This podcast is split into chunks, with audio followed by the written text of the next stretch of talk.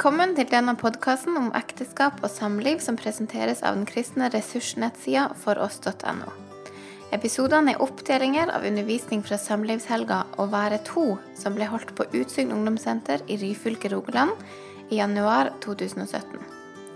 Deltakerne er Elisabeth og Øyvind Kringstad. Målet med podkasten er å styrke og hjelpe ekteskapene gjennom å snakke om og løfte fram viktige emner i samlivet. Denne episoden består også av en bibeltime, og teksten som utgangspunktet er Efeserne 5, vers 21-33. Vi legger disse to bibeltimene tidlig i serien fordi det danner det nødvendige fundamentet for alle de andre mer tematiske episodene. Vær så god. Aunque mi español es malo, espero que obtiene sus puntos principales en eh, cualquier caso. Es eh, mejor pedir una esposa eh, cuando se hace demasiado difícil. Jeg tror jeg må skru ned lyden litt. Da. Noen betyr ikke som det.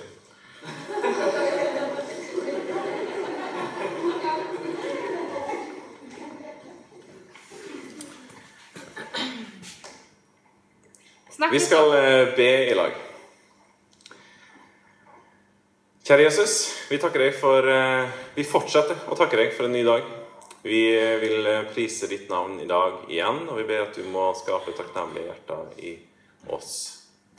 Takk, Herre, for denne helga til nå. Nå ber vi igjen at du må gjøre et under. Åpne du hjertene våre og eh, kom til oss med din ånd. Led oss ved ditt ord. Du vet hva vi trenger å høre, og hva som er godt for oss. Vi ber at du må gi det til oss nå. I ditt navn. Amen. I dag er det hustavlene, dvs. Si Efeserne 5, som er tingen. Og det er faktisk kun der vi skal være. Så man kan bare slå opp.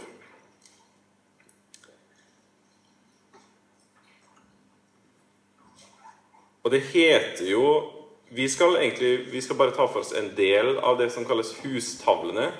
Det er jo litt sånn kjedelig navn, jeg innrømmer det. Men, eh, men, det er fordi at det på en særlig måte handler om um, hjemmet og ja, Guds tanke for, for hjemmet og ordning i arbeidsliv, eh, for foreldre, for barn. Akkurat de siste delene skal vi ikke ta så mye på, men vi skal ta det som handler om ekteskap. Vi leser fra vers 5 i, nei, vers 21 i kapittel 5. Vær hverandre underordnet i ærefrykt for Kristus. Dere kvinner, underordne dere ektemennene deres som under Herren selv. For mannen er kvinnes hode, slik Kristus er eh, kirkens hode. Han er frelser for sin kropp. Som kirken underordner seg Kristus, skal kvinnene underordne seg sine menn i alt. Dere menn, Elsk konene deres, slik Kristus elsket kirken og ga seg selv for den, for å gjøre den hellig og rense den med badet i vann i kraft av et ord. Slik vil han selv føre kirken framfor seg i herlighet, uten en minste flekk eller rynke. Hellig og uten feil skulle den være. På samme måte skal også mennene elske sine koner som sin egen kropp. Den som elsker sin kone, elsker seg selv. Ingen har noen gang hatet sin egen kropp. Nei, man gir kroppen næring og pleier den på samme måte som Kristus gjør med kirken. For vi er lemmer på hans kropp. Derfor skal mannen forlate sin far og mor og holde fast ved sin kvinne, og de to skal være én kropp. Dette er et stort mysterium. Jeg tenker på Kristus og kirken. Men det gjelder også for hver enkelt av dere. Hver mann skal elske sin kone som seg selv, og hun skal ha respekt for sin mann. Før vi går ordentlig inn i liksom Vi skal ikke gå vers for vers, men litt sånn tematisert gjennom denne teksten. Så er det noen innledende punkt som jeg har lyst til å trekke fram, og som jeg tror er veldig viktig å måtte ha med oss når vi snakker om det her. Der er noen, ja, det kan jeg bare nevne. Der er et par parallelltekster til denne i Nyttestamentet. Fra første Pets brev den ligner litt, og Kolossebrevet ligner særlig på det her. Så det, det fins andre hustavler, om du vil, i Bibelen også, men det er særlig Efeserne 5 og det her som vi leser nå, som tenkes på når vi snakker om hustavler. Det første innledende punktet er at det her som vi har nå lest, det står, som alt det andre i Bibelen, i en sammenheng. Det står i en strøm. Nå skal jeg prøve å ta en uh, brief eh, oppsummering av Efeserbrevet. Her er Efeserbrevet in points. Paulus begynner med å utmale hva frelsen er for ting. Hva er frelsen? Jo, og så sier han for å underbygge det. Den er for alle. Efesemenigheten var en, i stor grad en hedensk menighet. Til forskjell fra en del av de andre menighetene som hadde mange jøder i seg. Så det var viktig å få på en måte bygd ned forskjellen. Det er ikke forskjell på jøder og, og hedninger, altså ikke-jøder lenger. Frelsen er for alle. Eh, så ber han for dem at de skal vokse i forstand. Så sier han at vi bindes sammen i Kristus, og der er vi ett. Og ut ifra det så skal vi avlegge det gamle mennesket og ikle oss det nye. Så skal vi derfor leve i Ånden som lysets barn. Vi skal bli fylt av Ånden, og vi skal underordne oss hverandre. Og så kommer hustavlene med sin rekke. Og så var Helge inne på det i går også, at alt det som vi nå har lest om, alle de tingene som vi på en måte står i som kristne, det er en åndelig kamp. Bruk derfor rustningen når du lever i alt de her tingene. Og Hvorfor er det viktig å trekke fram sammenhengen her? Jo, fordi vår del, som vi nå skal snakke om, og som handler om ekteskapet, det står i en strøm. Det handler om livet i ånden. Vi har snakka en del om det i løpet av helga her, at Eh, det å leve i ekteskapet er for en kristen å leve i helliggjørelse. Et liv hvor Gud stadig gjør noen ting med en for at en skal bli mer lik Han. Eh, og så kan man tenke en liten sånn refleksjon omkring det. Det har vi lest litt nå, vi leste det tidligere også. Hvorfor er det sånn at Kristus og menigheten knyttes så til de grader tett med mann og kvinne i ekteskapet? Og Kanskje er det fordi at det her er et så utrolig avgjørende område av livet vårt. Hvis det funker i ekteskapet Ja, enten så funker det på de andre områdene i livet vårt eller, også, eller så er det ikke så farlig om det ikke funker på de andre områdene. Er dere med? Så lenge det funker i ekteskapet, så er det liksom bra. Velsignelsen flyter til de andre livets områder. Og vi får leve i Guds fremste kall for oss. Det er som om Gud sier at han vil knytte det mot det største og det beste, nemlig seg sjøl og sin egen kjærlighet. Modellen skal få se på originalen, intet mindre. Og det sier mye om viktigheten og hvor høyt Gud setter det her med ekteskapet, rett og slett. Nummer to vi forholder oss godt til de her tekstene når vi ikke belærer hverandre i hverandres formaninger. Det er utrolig fristende å ta 'Ja, men du skal jo elske sånn sånn'. 'Ja, men du skal underordne deg'. Et eller annet sånt. Ja, hvis du vil ha en konflikt, så gjør det sånn. Det er greit. Det er veldig fristende, men det er skrevet til eh, Det som står til mann, det er skrevet til mann. Det som står til kvinner, det er skrevet til kvinner. Og i fortsettelsen av det så gjør vi godt i Vi gjør det godt, og vi gjør det enklere, og vi gjør det bedre for vår ektefelle å skjøtte sitt kall ved å skjøtte vårt eget godt. Luther, Martin Luther skal ha sagt noe sånt som at når hver sitt eget gudsord vil lære, da blir det godt i hjemmet å være. Han var heldig at det kom på rim til meg. Men det er et veldig viktig ting. Vi har ansvar for vårt liv. Vi skal skjøtte vårt kall. Og så er det sånn at ordningen som vi skal snakke mye om nå, med hodelederskap og underordning, det er ikke først og fremst verb. Altså, det, ikke, det blir ikke sånn fordi at vi um, Fordi at vi gjør det sånn, holdt jeg på å si. Eh, men det er en erkjennelse av hvordan det er. Hvis dere skjønte. Det blir ikke sånn fordi vi gjør det sånn bare plent. Det er en skaperordning som Gud sjøl har lagt ned i oss. Og så skal vi også gjøre det. Men da er vi egentlig bare med på å fremme den ordningen som allerede står der. Og gjennom alt så er vi helt avhengig av evangeliet.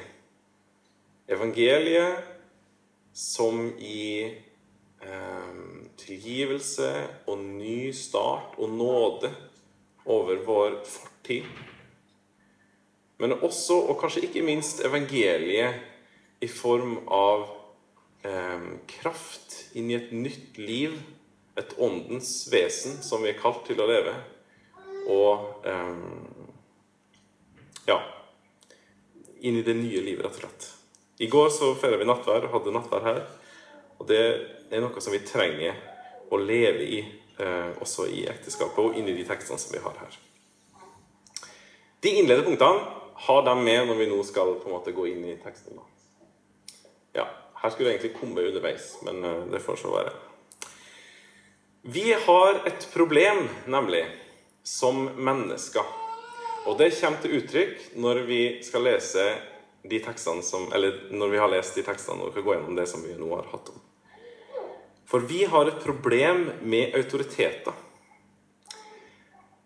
Det er utrolig lett i en samtale om autoritet Bare det ordet der, liksom. Så kommer ordet autoritær inn på sidelinja og blir på en måte ofte en stor del av samtalen. Makt og eh, misbruk av makt er dessverre en del av det. Og det har vi Det, det er jo fordi at det er sånn, at vi har erfaring med at det er sånn. Men det vi skal huske på, er at åndens vesen Og det er jo det som Efeserbrevet får med når det på en måte går, står i en strøm. Sant? Åndens vesen, det er underordning under hverandre. Kjødets vesen, som er motsatsen, det er mistillit, det er maktbegjær og kontroll, det er egoisme, og det er selvsentrering. De to tingene står hverandre imot. Og det som har vært litt interessant når jeg har tenkt litt på det her og jobba med det, er at vi tenker jo i vårt, vårt vestlige, eh, oppegående, kunnskapsbaserte og likestilte samfunn at det her er en, på en måte en sånn ny greie. Eh, det er nå vi på en måte virkelig har problemer med tekster som går på underordning og en del andre typer ting. Men saken er at det er jo ikke tilfellet i det hele tatt. For det var jo det her som var grunnproblemet. Eh, I, vi kan slå opp det som står der i eh, Nei, jeg skal si litt mer først, faktisk. Det var jo det som var Adam og Eva sitt fall. De hadde i utgangspunktet en voldsom frihet. Spis av alle trærne i hele hagen, bortsett fra ett. Og så viser deres eh, handling med å ta av den frukta at de har De fikk og de hadde grunnproblem med autoriteter, rett og slett. At noen skulle bestemme over dem og vite bedre enn dem, liksom. Og de skulle bare høre på det. Um, de ville ha kunnskap om godt og ondt, sånn som Gud hadde. Og nøyde seg ikke med det Guds ord som sa at det var nok for ham. Så det er ikke en spesielt vestlig ting og det er ikke en spesielt moderne ting å ha problemer med autoriteter. Det er et menneskelig anliggende som vi har i alle kulturer. Når det er sagt, så er det sånn at når vi ofte i våre liv på forskjellige områder sikkert har helt sikkert eksempler på dårlige lederskap og og underordning i negativ forstand. Det ble noe vondt av det. Det ble misbrukt. Så er det rett og slett ofte en berettiget mistillit. Og det har jeg lyst til å si en, som en innledning en måte, til det her. Ofte så er det en berettiget mistillit. Du har grunn til å ha mistillit til det her. Og dessverre så er det ofte sånn at erfaringen er dårlig med menn som har utøvd sin autoritet og sin makt på en dårlig måte og en feil måte. Det er altfor mange slappe, late, feige og egoistiske menn som ikke skjøtter sitt eget kall sånn som de skal gjøre. Også kristne. Og det er selvsagt at det skaper mistillit og vantro også overfor ordningen som Gud har satt inn. Men det som vi må huske på da, er at problemet ikke er strukturen her, men det er utøvelsen av det. Det er, ikke, Guds måte å, sette det opp på og gi oss det her måten å leve i lag på som er problemet, men det er vår måte å leve det ut på. Vi må ikke kaste barnet ut med badevannet. Og da er vi altså i Første Mosebok 3. Det er et par vers som vi skal ta med oss derifra, og som på mange måter eh, gir en eh, slags bibelsk argumentasjon for at det her er Ja, for det med lederskap, selvoppofrende lederskap og underordning. Nå har fallet skjedd. Eh, slangen har frista Eva, hun har tatt av frukten. Adam har spist. Eh, de har eh, unndratt seg Gud for første gang i deres liv. Og så uttaler eh, Gud dommen, eller forbannelsen, over dem. Og da står det i vers 16 og 17 til kvinnen sa han, tungt vil jeg gjøre ditt strev når du er med barn. Med smerte skal du føde. Du skal begjære din mann, og han skal herske over deg. Og til mannen sa han, fordi du hørte på kvinnen og spiste av treet som jeg forbød deg å spise av, og jorden forbannet, er jorden forbannet for din skyld. Med strev skal du nære deg av den alle dine livsdager.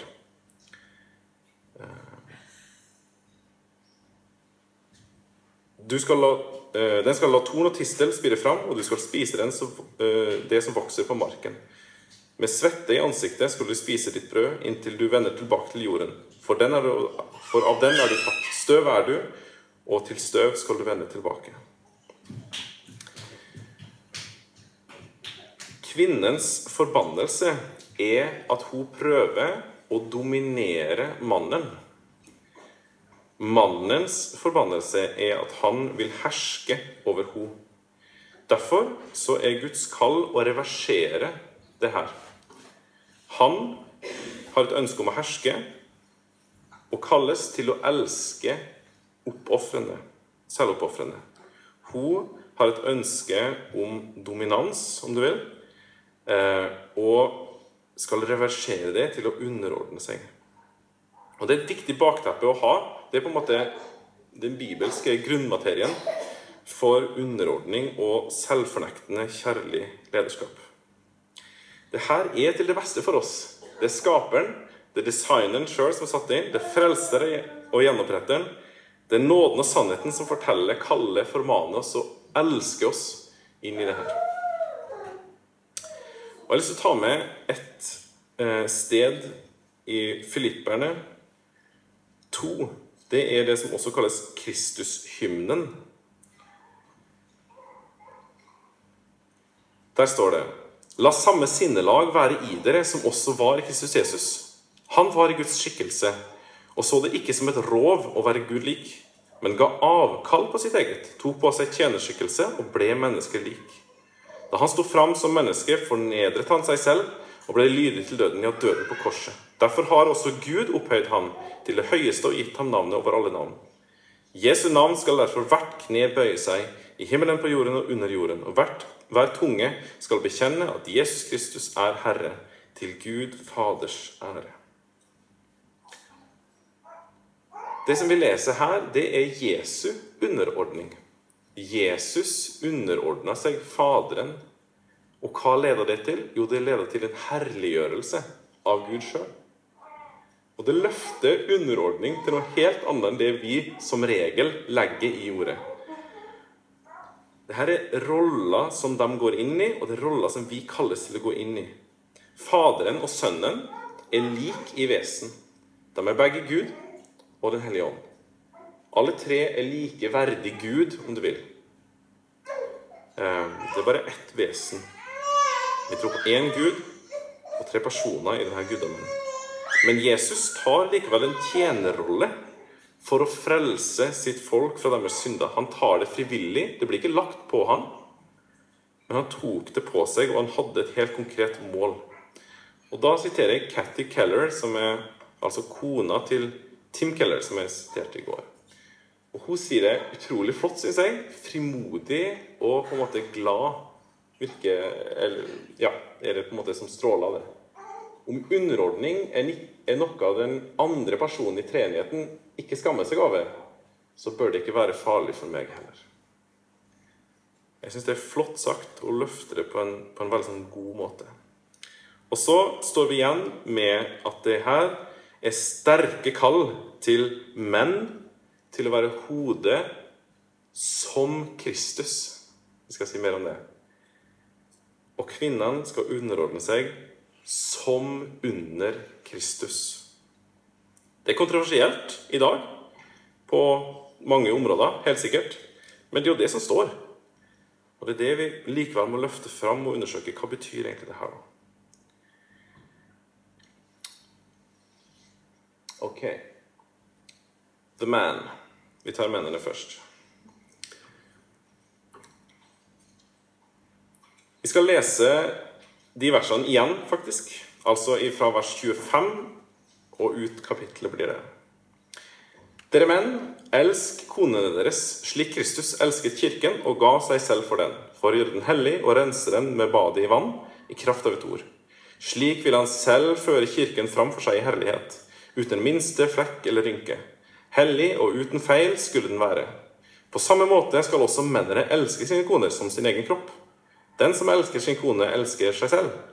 Ingen har noen gang hatet sin egen kropp. Nei, man gir kroppen næring og pleier den på samme måte som Kristus gjør med kirken. For vi er lemmer på hans kropp. Derfor skal mannen forlate far og mor og holde fast ved sin kvinne, og de to skal være én kropp.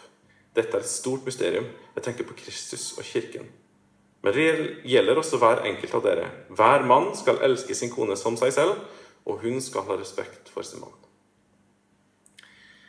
Gud kaller altså mannen til å elske sin ektefelle på samme måten som Jesus elska menigheten, eller sitt folk, eller alle mennesker, egentlig.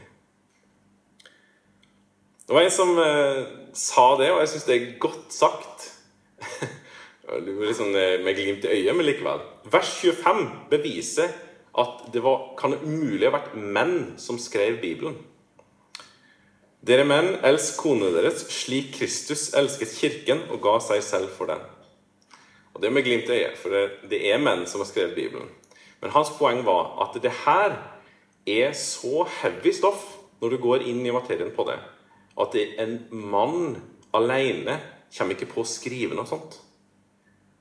Det er Den hellige ånd som har inspirert menn til å skrive det som vi har i vårt ord.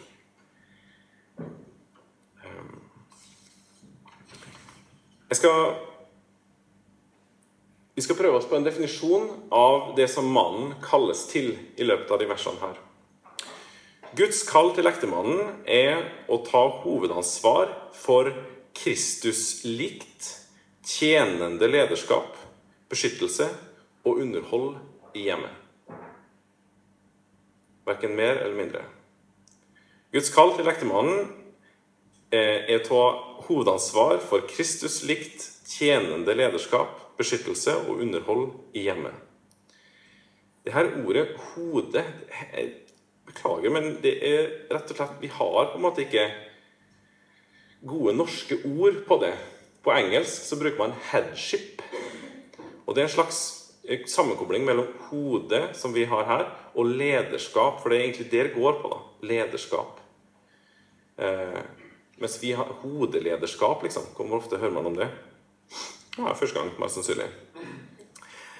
På gresk så betyr det her ordet 'hode' eh, bl.a. at det er en autoritet eller en, et, et, ansvar på en måte over noe annet. Eh, en kalles til å bære hovedansvaret i hjemmet. Og da jeg, jeg, kommer faktisk ikke til å gå sånn kjempe inn på detaljer, men det betyr jo selvfølgelig ikke at alle avgjørelser tas av mannen. Og det betyr selvfølgelig ikke at avgjørelser tas av mannen uten å også snakke med sin kone. Men det betyr at du likevel har hovedansvaret for de avgjørelsene som tas.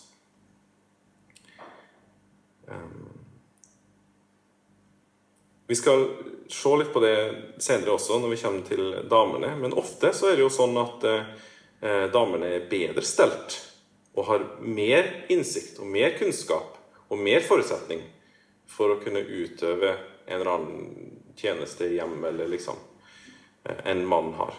Og da vil det være klokt av mannen å si nei, vet du hva, det her tar du. Eh, det her gjør ikke jeg. Det blir bedre hvis du gjør det. Og det På mange måter så er det kontroversielt inni vårt samfunn, sånn som vi har eh, nevnt allerede. Men jeg vil jo absolutt si at det som virkelig er kontroversielt her, og som er radikalt, det er at mannen kalles til å elske sin kone som Kristus. Det er helt vanvittig, altså, hva som ligger i det der. Derfor så har jeg to punkt til hvordan mannen skal utøve det her. Mens kjærlighet og lederskap må være for det første selvoppofrende, sånn som vi lærer det i teksten her. Han ga seg sjøl eh, Vi skal gi oss sjøl på samme måten som Kristus ga seg sjøl. Hedensk lederskap det handler i stor grad om hvordan eh, ens eh, Hvordan man skal underordne seg, og hvordan få andre til å underordne seg, om du vil.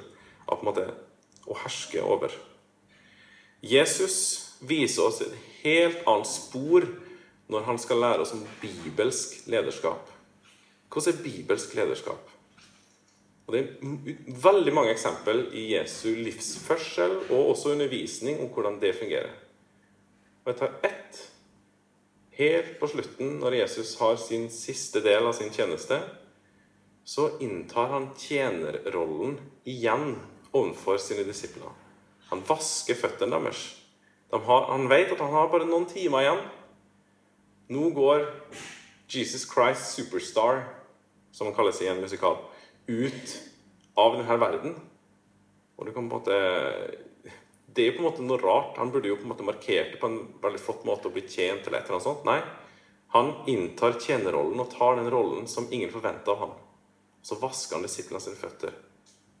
Skitne jobben, tjenerjobben. Og, og Peter eh, agerer jo mot det først. Nei, du skal ikke vaske føttene mine, Jesus. Jo, jeg må det. Jeg må tjene deg. Og sånn skal også vi menn tjene med en selvoppofrende kjærlighet vår kone. Så spørsmålet mitt er på hvilken måte har du gitt deg sjøl til din ektefelle? Hvordan har det kommet til uttrykk? Hva har du fornekta i ditt liv? Hva har du i gåseøynene tapt på? Altså Du måtte avskåre dine egne tanker, avskåre eget, din egen prioritering, et eller annet som du måtte fornekte, som kom hun til gode. Hva har du gitt av din tid, av din energi, eh, økonomi store avgjørelser i livet Har du i hele tatt fornekta deg sjøl? Det er det du kalles til i her tekstene her. Min tilnærming Jeg sa litt om det i går.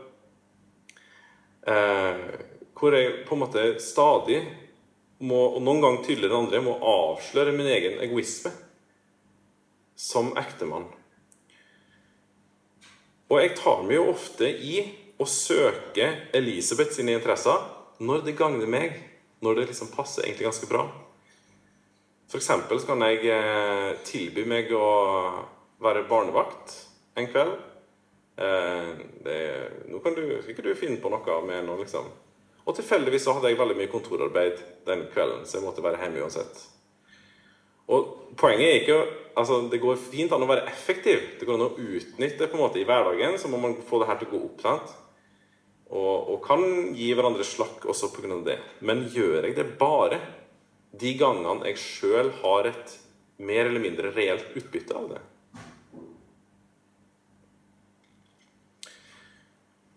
Mens kjærlighet og lederskap skal vise seg i sitt mål. Og det er en ting som ble veldig sånn spesielt når jeg har tenkt på leksene og meditert over det i forkant. At det er, så, det er så mye retning, det er så mye handling i det. Det er så mye mm, eh, ja, På en måte kan du si at det er litt sånn svulmig og det er litt sånn diffust. Men samtidig så skjønner du nei, det er jo ikke det.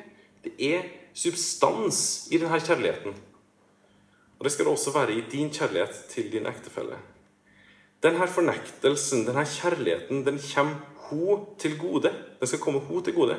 Jesu død på korset Det går jo en debatt nå, faktisk, i, eh, på ja, et eller annet nivå, jeg vet ikke eh, Der flere av de store eh, teologiske institusjonene i Norge er involvert. Hva innebærer forsoningen? Hva betyr det? Hva, hva betydde det, og hvilken forskjell gjorde det at Jesus døde på et kors for 2000 år siden? Hvilken konsekvens hadde det? Hadde det noen konsekvens? Og på hvilken måte? En helt sentral teologisk diskusjon eh, nå. Og det som er saken, er at Bibelen vitner jo helt klart, vil jeg si, at når Jesus døde på korset, så var det ikke bare et symbol det var ikke bare et sterkt budskap til oss om hans kjærlighet. Men det gjorde en konkret forskjell. Det var synd som var lagt på han der. Og den synda ble drept. Den døde med Jesus.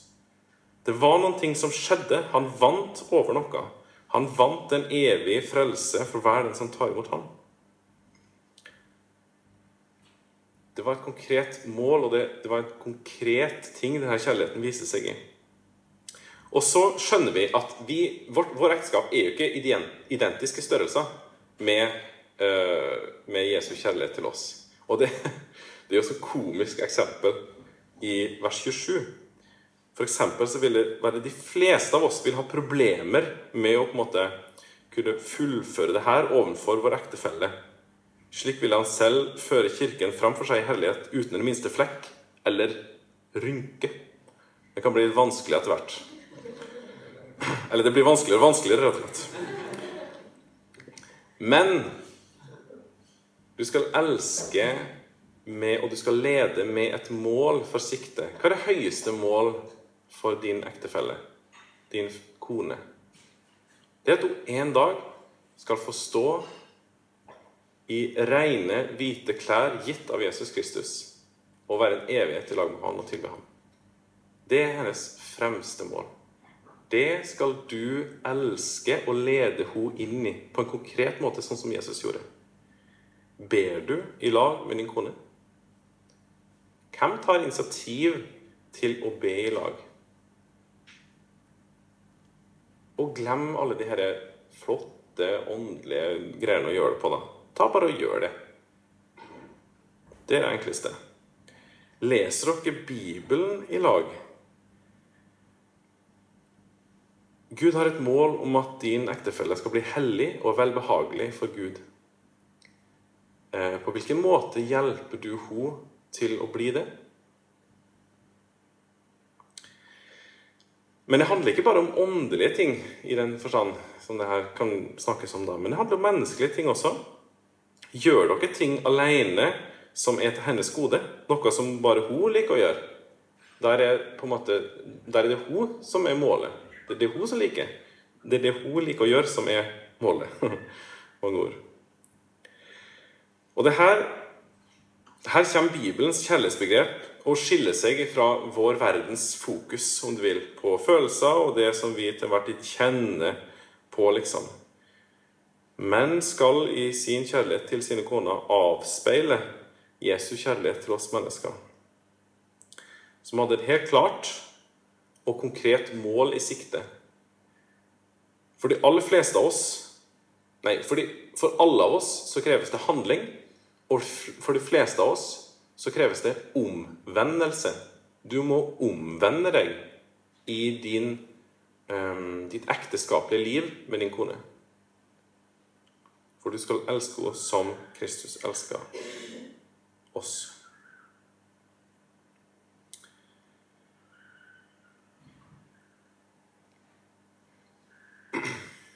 Kvinnene, eller dere damer. Vi leser vers 22 til 24.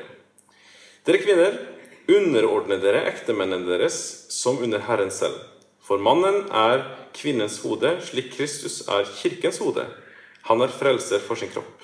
Som kirken underordner seg Kristus, skal kvinnene underordne seg sine menn i alt.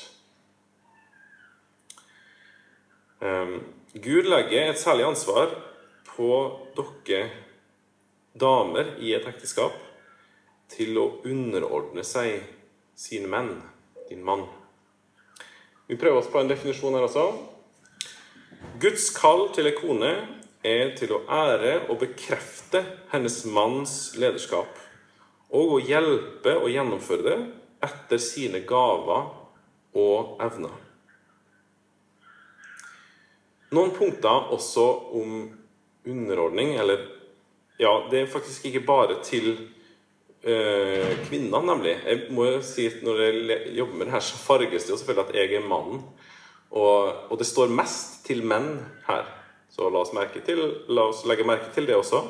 Men det er samtidig veldig sånn vevd inn i hverandre. da. Eh, som under Herren. Ja, hva skjer egentlig for vi er alle kalt til å være underordna Herren som kristne. Hva skjer egentlig der? Hvordan ser egentlig underordning under Herren ut? Jo, som en kristen i følge med Jesus så beskyttes vi. Vi vernes. Vi får liv av Han. Vi får evig liv, faktisk. Vi får velsignelser. Vi elskes. Men vi renses også og vi tuktes og formanes. Vi blir mer lik den syndfrie, evig gode og rettferdige. Vi helliggjøres, som det heter. Vi blir mer lik Han. Og sånn skal underordning også fungere i ekteskapet. Og Derfor handler jo dette punktet egentlig ikke om damene, men det handler om mennene igjen. Du skal bli vakrere. Du skal bli reinere der. Når du lever der. Det ikke, men det er ikke alltid behagelig. Det er greit. De to tingene er litt forskjellige noen ganger. Men det som står her, er egentlig også til oss menn. Vi skal elske vår kone Sånn at det blir et gode å underordne seg. Du skal elske din ektefelle på en sånn måte at hun vil underordne seg. At hun ikke ønsker friheten, om du vil, i gåseøynene, eh, av ikke å på en måte være under ditt lederskap, under ditt hovedansvar.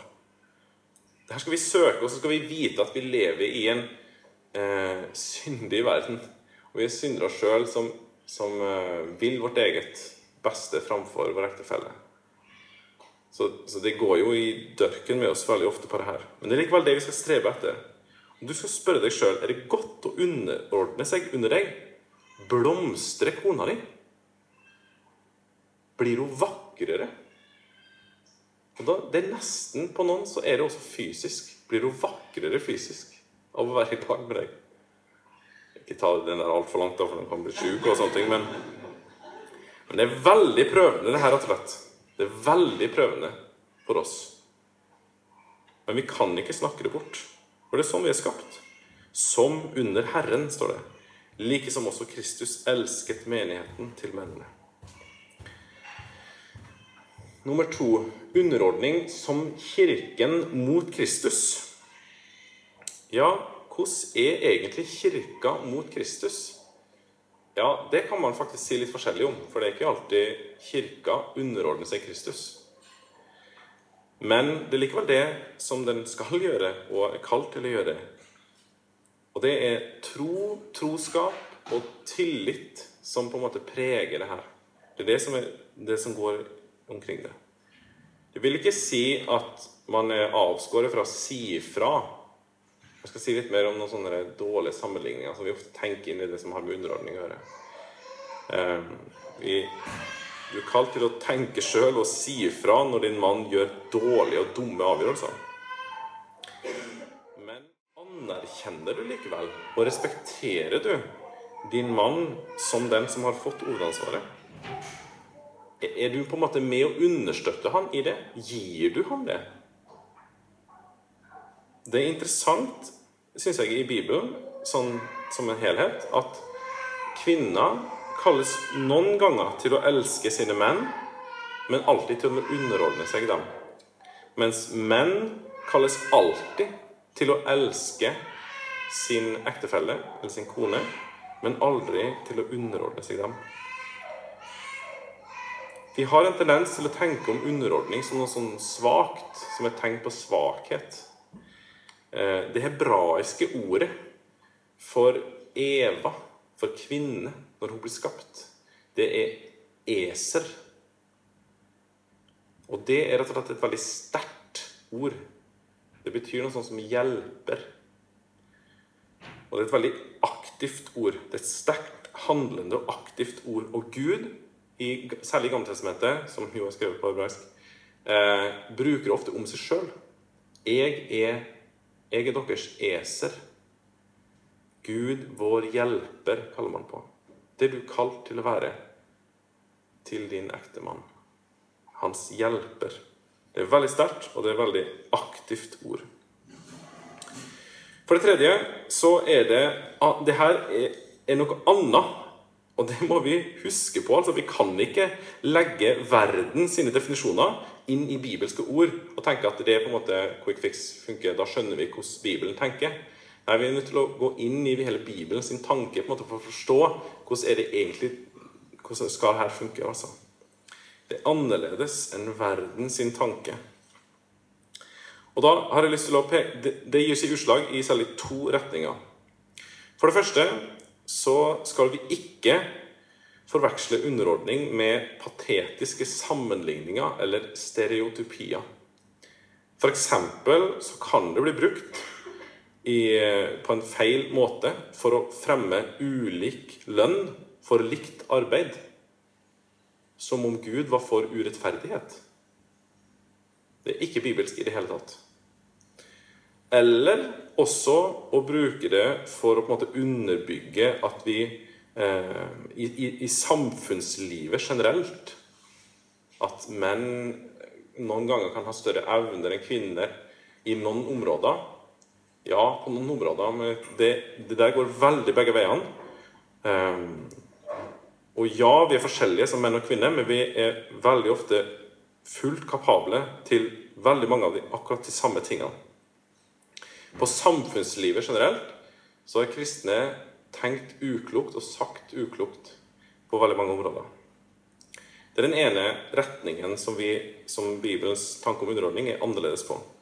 Og så den andre retningen som der det er tydelig at eh, Bibelens tanke om underordning går på akkord med våre egne interesser. Det er sånn at i gåseøyne friheten begrenses på samme måten som mannen kalles til å omvende seg for å elske deg eh, som seg sjøl og som Kristus elsker menigheten, så må du også omvende deg for å underordne deg. Og det får vi ikke hjelp av denne verden til å gjøre. Det er noen ting som du må eh, ha i ditt forhold til Gud, rett og slett. Det siste punktet til kvinnene det her ordet om underordning og, og Bibelens veiledning om underordning motsier ikke like, eh, likhet på veldig mange andre områder. For eksempel så står det et eh, vers, vi kan egentlig lese det, i Galaterne 3,28. Som mange faktisk bruker for å, for å slå beina under mye av det som jeg allerede nå har sagt om at underordning mellom eh, kvinne og mann er ikke noe som Det er, no, det er et prinsipp som Bibelen sjøl motstrider seg på. Og det verset som vi skal lese nå, det er et av de som brukes til det. Men saken er at eh, det er det ikke. Det står Her er ikke jøde eller greker, her er ikke slave eller fri, her er ikke mann eller kvinne. Dere er alle én i Kristus Jesus. Men det vi må ta med oss, er sammenhengen igjen, vers 26. For dere er alle Guds barn ved troen i Kristus Jesus. Alle som er døpt til Kristus, har ikledd dere Kristus. Her er ikke jøder eller fri, slave eller jøde eller greker, slave eller fri, mann eller kvinne.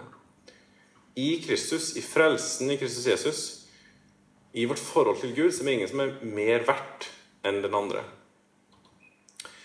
Eh, på noen, et annet område, særlig i gammeltestamentlig tid, så var det sånn, eller i Bibels tid, kan, vi si, så var det sånn at eh, ens forhold til Gud gikk gjennom andre. Det var liksom husets far som var den som leda huset eh, i sin eh, kontakt med Gud, rett og slett. Og det er også opp, Der er det full likhet mellom kvinner og menn. Det er ingen som på en måte Ordet om underordning eh, undergraver ikke det. Vi har lik adgang til vår Far i himmelen. Og veldig radikale ord står det. Det skal vi ikke lese. Men når det kommer til det seksuelle samlivet I 1. Korinterbrev 7 så står det faktisk at du som er mann, du rår ikke over din egen kropp. Det er det din ektefelle som gjør. Du som er kvinne, du rår ikke over din egen kropp. Det er det mannen som gjør. Det er full likestilling, om du vil.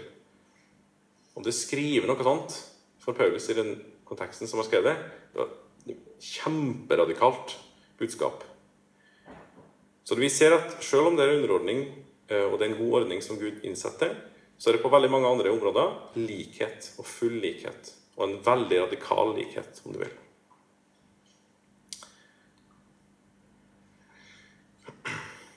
Vi nærmer oss avslutninga. I alt det som vi nå har hørt om, så skal vi huske på å ta inn over oss at himmelens lov, himmelens lov, himmelens rikeres lov, rett og slett, den er sånn.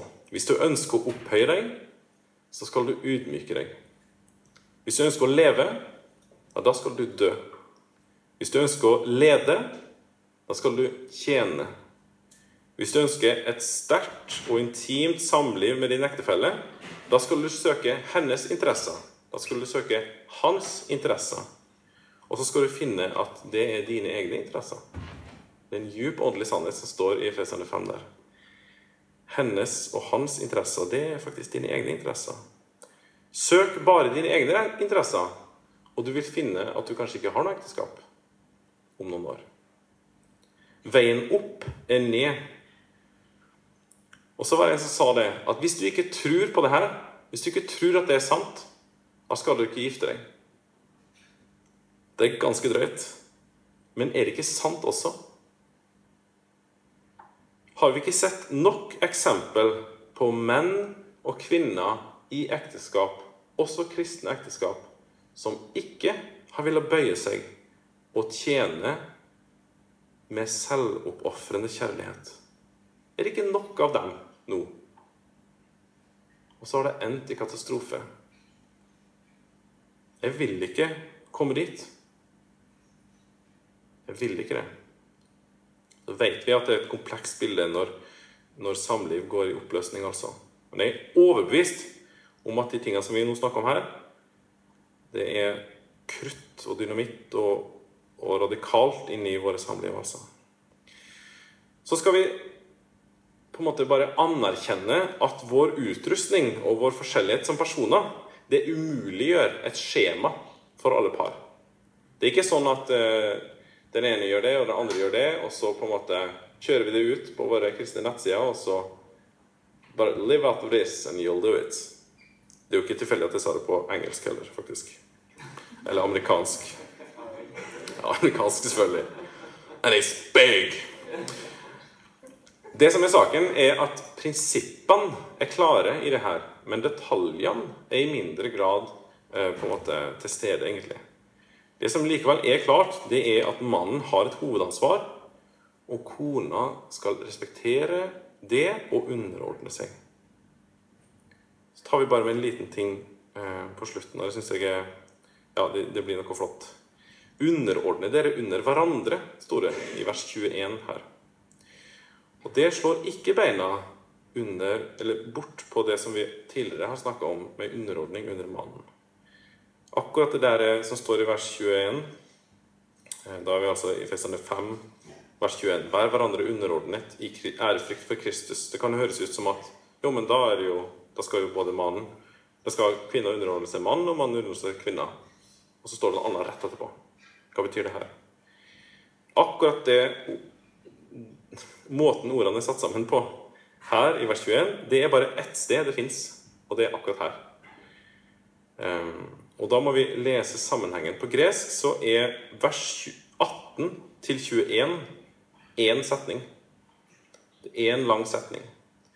Og det, det, det som er poenget der, det er det som vi begynte med. At det er livet i ånden. Et kristent liv, det er å leve i underordning under hverandre. Som kristne mellom hverandre.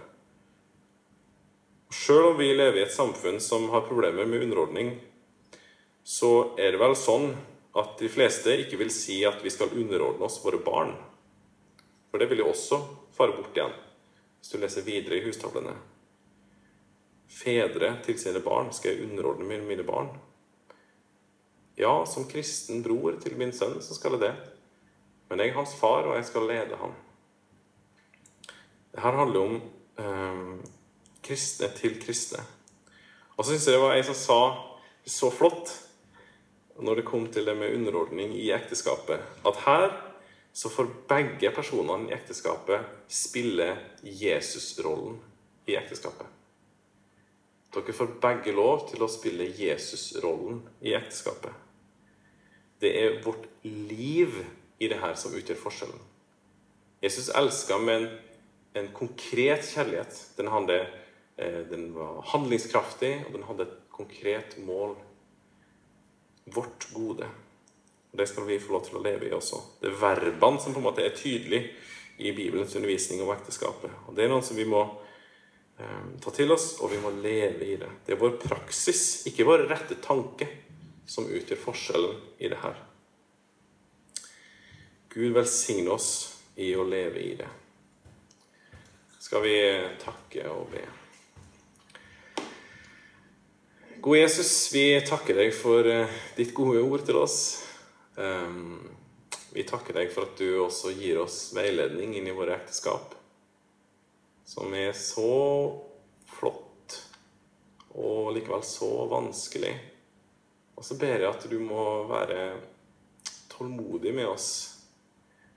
Hjelp oss til å ehm, se hva vår rolle er i det her, hvor vi skal omvende oss hvor vi skal eh, ja, strebe etter å ligne deg mer, Jesus. Tilgi oss vår synd, Herre Jesus. Tilgi oss vår tilkortkommenhet. Tilgi oss vår likegyldighet og manglende kjærlighet, Herre Jesus. Kom med din nåde og gi oss nytt liv. Det trenger vi. Så ber jeg at det som har blitt sagt nå, kan få treffe oss på de plassene som vi trenger det, og at eh, du må lede oss videre, Jesus. Velsign oss du som bare du kan. Ditt gode og evige navn. Amen. Takk for følget denne episoden. Finn flere ressurser, og vær gjerne med og støtt oss på foross.no.